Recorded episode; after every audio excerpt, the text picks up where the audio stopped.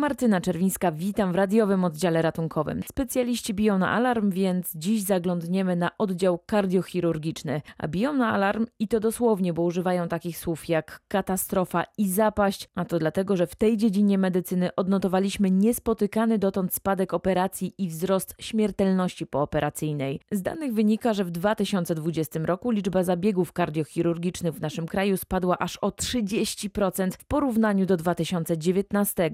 Nigdy jeszcze liczba tych zabiegów nie spadła poniżej 21 tysięcy. Pod tym względem cofnęliśmy się co najmniej o 20 lat, mówi prezes Klubu Kardiochirurgów Polskich profesor Kazimierz Widenka. A ja wybrałam się do szpitala Medinet, czyli Dolnośląskiego Centrum Chorób Serca we Wrocławiu, który na czas pandemii został przeorganizowany na oddział covidowy. O skutkach i cichych ofiarach pandemii rozmawiałam z dyrektorką Anną Farmas. Śmiertelność pooperacyjna i, i kłopoty, które w tej chwili mają ośrodki kardiochirurgiczne, wynikają przede wszystkim z dużych zaniedbań y, stanu zdrowia pacjentów y, kardiologicznych, którzy przez ostatni rok nie mieli dostępu do specjalistów, do kardiologii, y, którzy nie byli optymalnie leczeni i nie są optymalnie przygotowani. W tej chwili przyjeżdżają do nas w stanach ostrych, stanach nagłych.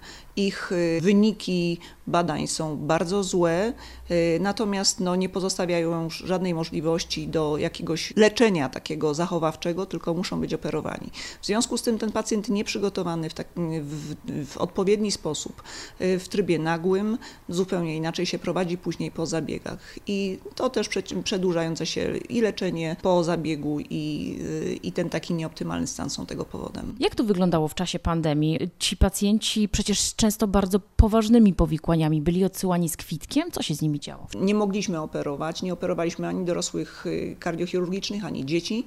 Z tego powodu, że wszystkie łóżka, 56 w przypadku Dolnośląskiego Centrum Chorób Serca, wszystkie 56 łóżek były zajęte przez pacjentów y, covidowych, czyli cała intensywna terapia, y, oddział, który zwykle jest rehabilitacją taką y, wczesną kardiologiczną, no i cały oddział kardiochirurgii dorosłych i dzieci były zajęte. Niestety no, pacjenci też byli kierowani do ośrodków, najczęściej do Wojskowego Szpitala Specjalistycznego we Wrocławiu, który starał się i robił co mógł, żeby, żeby zoperować chorych, jeśli, jeśli były ku temu możliwości, bo też byli zajęci przez covid -a. Ja się domyślam, że to były takie sytuacje, które nie mogły czekać. A co z pacjentami, którzy czekali na planowane operacje, którzy czekali na w ogóle diagnozy? To jest najtrudniejszy właśnie nasz problem, ponieważ to są pacjenci, którzy mieli obiecany jakiś termin zabiegu, potem pozostali pozbawieni jak gdyby w ogóle opieki, ponieważ lekarze POZ-u przyjmowali tylko w trybie teleporady.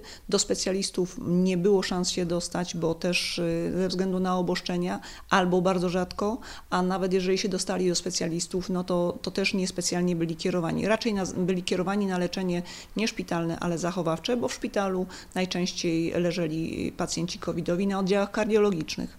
E, co, co sprawiło taki cały łańcuch różnego rodzaju w tym procesie y, powikłań i fakt, że pacjenci, których mieliśmy na liście, którzy czekali na zabieg, niestety część tych pacjentów zmarła, co odkrywamy teraz, próbując się do nich dodzwonić i do rodzin.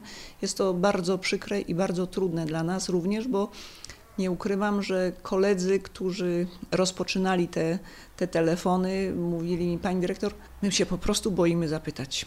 Więc to jest naprawdę strasznie przykre z takiego względu absolutnie ludzkiego, bo aż mi dreszcze przeszły. Naprawdę, jeżeli lekarze się boją zadzwonić do pacjenta, zapytać się co u niego i czy ten podtrzymuje możliwość, a usłyszą po drugiej stronie, że niestety tata zmarł, mama, mama nie żyje, jest to po prostu albo współmałżonek, jest to po prostu strasznie bolesne dla nas wszystkich, bo to są takie nieme ofiary tego, tej całej pandemii. Nawet jeśli taka osoba żyje, to pewnie ta choroba zdążyła się posunąć, przecież pandemia trwa już prawie półtora roku. Na pewno tak tak i te, y, te postępy tych, tych chorób widzimy właśnie w, w tych statystykach, o których Pani wspomniała na początku. Jest to trudne, ponieważ trzeba tych pacjentów zoperować, ale to nie jest optymalny moment na, na, na ten zabieg i stąd też te takie statystyki niekorzystne, jeżeli chodzi o powikłania e, kardio, po zabiegach kardiochirurgicznych, bo chorzy nie są w dobrym stanie. Zanim włączyłam mikrofon, opowiedziała mi Pani o e, historiach dzieci, których rodzice wołali, błagali Was o ratunek i czasami udawało się go mimo tej całej sytuacji związanej z pandemią udzielić. Tak, to faktycznie w ostatniej fazie już tutaj tej trzeciej fali pandemii, stając na, na głowie i przesuwając ludzi i sprzęt, wyodrębniając jedną salę operacyjną jako intensywną terapię z dwoma stanowiskami, bo więcej nie można było, operowaliśmy dzieci właśnie w takich y, stanach nagłych. Dzieci to są najczęściej noworodki albo wcześniaki, które po prostu na ratunek życia musiały, nie mogły, nie przeżyłyby transportu gdzieś dalej i, i musieliśmy tutaj operować. Także tak udało się i na szczęście wszystko poszło dobrze i bardzo się z tego cieszymy, bo najtrudniej w czasie pandemii było nam po prostu pomagać się, starać się znaleźć miejsca gdzieś na terenie Polski dla tych dzieci, które wymagały pomocy, a my nie byliśmy jej w stanie oferować. Nie ukrywam, że to bardzo, bardzo trudne też dla nas. Czy ten czas da się nadrobić? Nie macie już e, tutaj oddziału covidowego, wszystko wróciło do normy, jeśli tak mogę powiedzieć, tylko pytanie, jakie są wasze moce przerobowe, tak? Czy można przyspieszyć w takiej sytuacji teraz te wszystkie zabiegi, wszystkie ręce na pokład? To jest sytuacja dla nas, jako dla pracodawcy, dość e, kłopotliwa o tyle, że przede wszystkim teraz e, ludziom trzeba pozwolić pójść na urlop, trochę zresetować głowy. Wszyscy mają w głowie tą śmiertelność i tę ilość e, zgonów, której normalnie tutaj jest, jest niewidziana. Wszyscy muszą troszeczkę odpocząć, więc teraz udzielamy urlopów ludziom, żeby przynajmniej mogli pójść na krótkie takie właśnie mm, urlopy. Staramy się operować absolutnie równocześnie, mm, ale czy wszystkie ręce na pokład?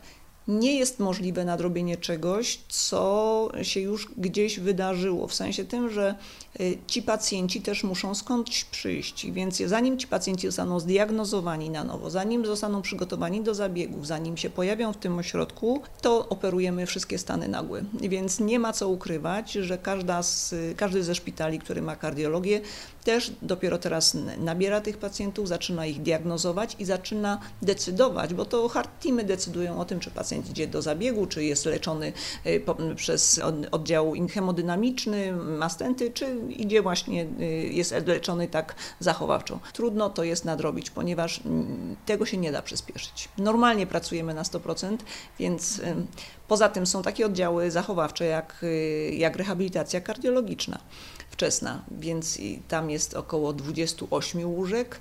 No, nie mogę tam wstawić łóżek piętrowych, żeby zrobić tego dwa razy więcej, bo każdy z pacjentów ma, ma jakąś tam czy 14 albo 21 dni mm, czasu pobytu, więc ja tego w żaden sposób nie jestem w stanie nadrobić. To już na koniec tej rozmowy podsumowując, choroby serca są chorobami, dla których czekanie jakby może być zabójcze, tak? Czas jest nieubłagany i z tego czasu jesteśmy mocno rozliczani y, i rozlicza nas y, pacjent, rozlicza nas y, postęp choroby, bo nie wszczelenie się w odpowiednim momencie, nie przejście przez procedurę odpowiednią, czy to kardiologiczną, czy hemodynamiczną, czy kardiochirurgiczną, będzie zawsze konsekwencje poniesie pacjent, więc, więc to jest faktycznie dość bezwzględna wartość, że się tak wyrażę, ponieważ to jest mierzalne. Pacjent ma odpowiedni, odpowiednim czasie powinien dojechać do ośrodka, y, gdzie powinna mu być udzielona w odpowiednim czasie y, pomoc i przekazany w odpowiednią, y, w odpowiednią komórkę. No nie ukrywamy, że fakt, że pacjent często jest, był prowadzony ad hoc, w sensie mm, leczenia, prowadzenia, bardzo nam to komplikuje, ponieważ okazuje się, że pacjenci właśnie byli na lekach rozrzedzających krew, co sprawia, że nie można wykonać odpowiednich procedur kardiochirurgicznych, albo trzeba je z odpowiednią tam y, dużym, dużym jakąś tam starannością i przygotowaniem y, przygotowywać. A wizyty online w przypadku takich chorób chyba kompletnie nie zdają egzaminu? Nie, absolut, absolutnie nie. Tutaj, tutaj trzeba się spotkać z pacjentem, zobaczyć jego, jego stan. To y, pacjenci się też, szczególnie starsi, adoptują do pewnego rodzaju dysfunkcji, e, więc mogą to tylko odnieść do tego, że nie wiem, nie, nie wchodzą już tak łatwo na pierwsze albo na drugie piętro, że mają zadyszkę albo że mają zaburzenia właśnie oddychania, co, co czy tam duszności właśnie z tym, z tym związane trudno to jest mierzyć tak po prostu przez telefon. Zostaje mieć nadzieję, że nie będzie kolejnej fali. Mam taką nadzieję, tego sobie wszyscy życzymy, bo po prostu powrotu do normalności czekamy jak na deszcz na pustyni.